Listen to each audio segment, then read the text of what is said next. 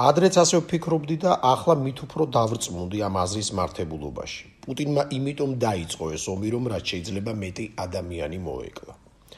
მისი მიზანი იყო კლა და მხოლოდ კლა, რაც შეიძლება მეტი გვამი, მეტი სიკვდილი, მეტი ვერშემდგარი სიცოცხლე.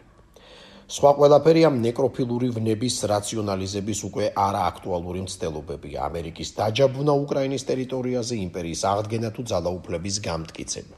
თავის დროზე ერიხ ფრომი ჰიტლერის მაგალითით შეეცადა ამგვარი პათოლოგიის აღწერასა და დასაბუთებას. ადოლფ ჰიტლერი ნეკროფილიის კლასიკური შემთხვევა, სადაც მისი აზრით დიქტატორის ძირეულ სურვილებს საბოლოოდ არა უკიდეგანო პატივმოყარეობა, არამედ სწორედ განადგურების მიმართ ნება, გვამთა სიმრავლისკენ ლტოლვა აყალიბებს. და ასევე ბრაზილის სხვა შურიზიების სურვილი ჯერ სხვა ერებზე, მერე თავისაზე და ბოლოს ყველა ადამიანზე, ვიც გაბედავს და დიქტატორის სიკვდილის მერეც შეეცდება ცხოვრებას. აკი ამიტომაც არ მოუწოდებდა ბუნკერში მჯდომი ჰიტლერი გერმანელ ერს რომ ისიც მასთან ერთად დაღუპულიყო.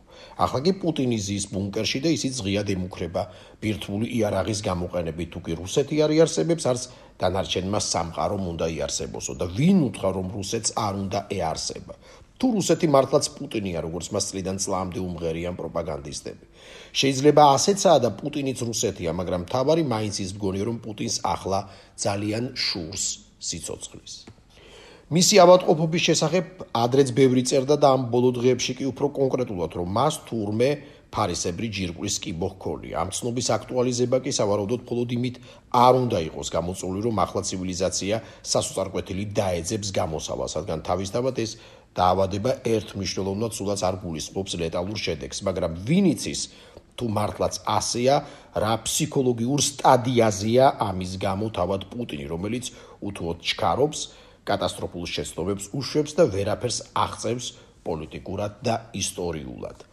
ამ კაცმა ისეთ ზღვარს გადააბიჯა 2022 წლის 24 თებერვალს, საიდანაც უკან დახევა სრულიად შეუძლებელია. წინ მხოლოდ ისტორიული სიკვდილია, თუ არა ფიზიკური. ისტორიულადვე არაერთი მართველია ცნობილი, რომელიც ფიზიკური აღსასრულის შიშით, აგონიით მოცული, ერებზე, ქვეშევრდომებზე ან და საერთოდ ოჯახის წევრებზე იწყებდა შურიზიებას, რადგან არავის უნდა ჰქონოდა სიცოცხლის უფლება თუ კი დესპოტი კვდებოდა. დესპოტ ცოცხლებზე უნდა ენადირა, რათა სამყაროზე დაბოღმილს მსხვერპლად შეწირულთა სისხლს მაინც გაემხნევებინა მისი მოღალატე სხეული და იქნებ აქაც ეს აგონია. აბა სხვანაირად რუსეთის რომელ გამარჯვებაზე შეიძლება ახლა ლაპარაკი ან როდის შეიძლებოდა.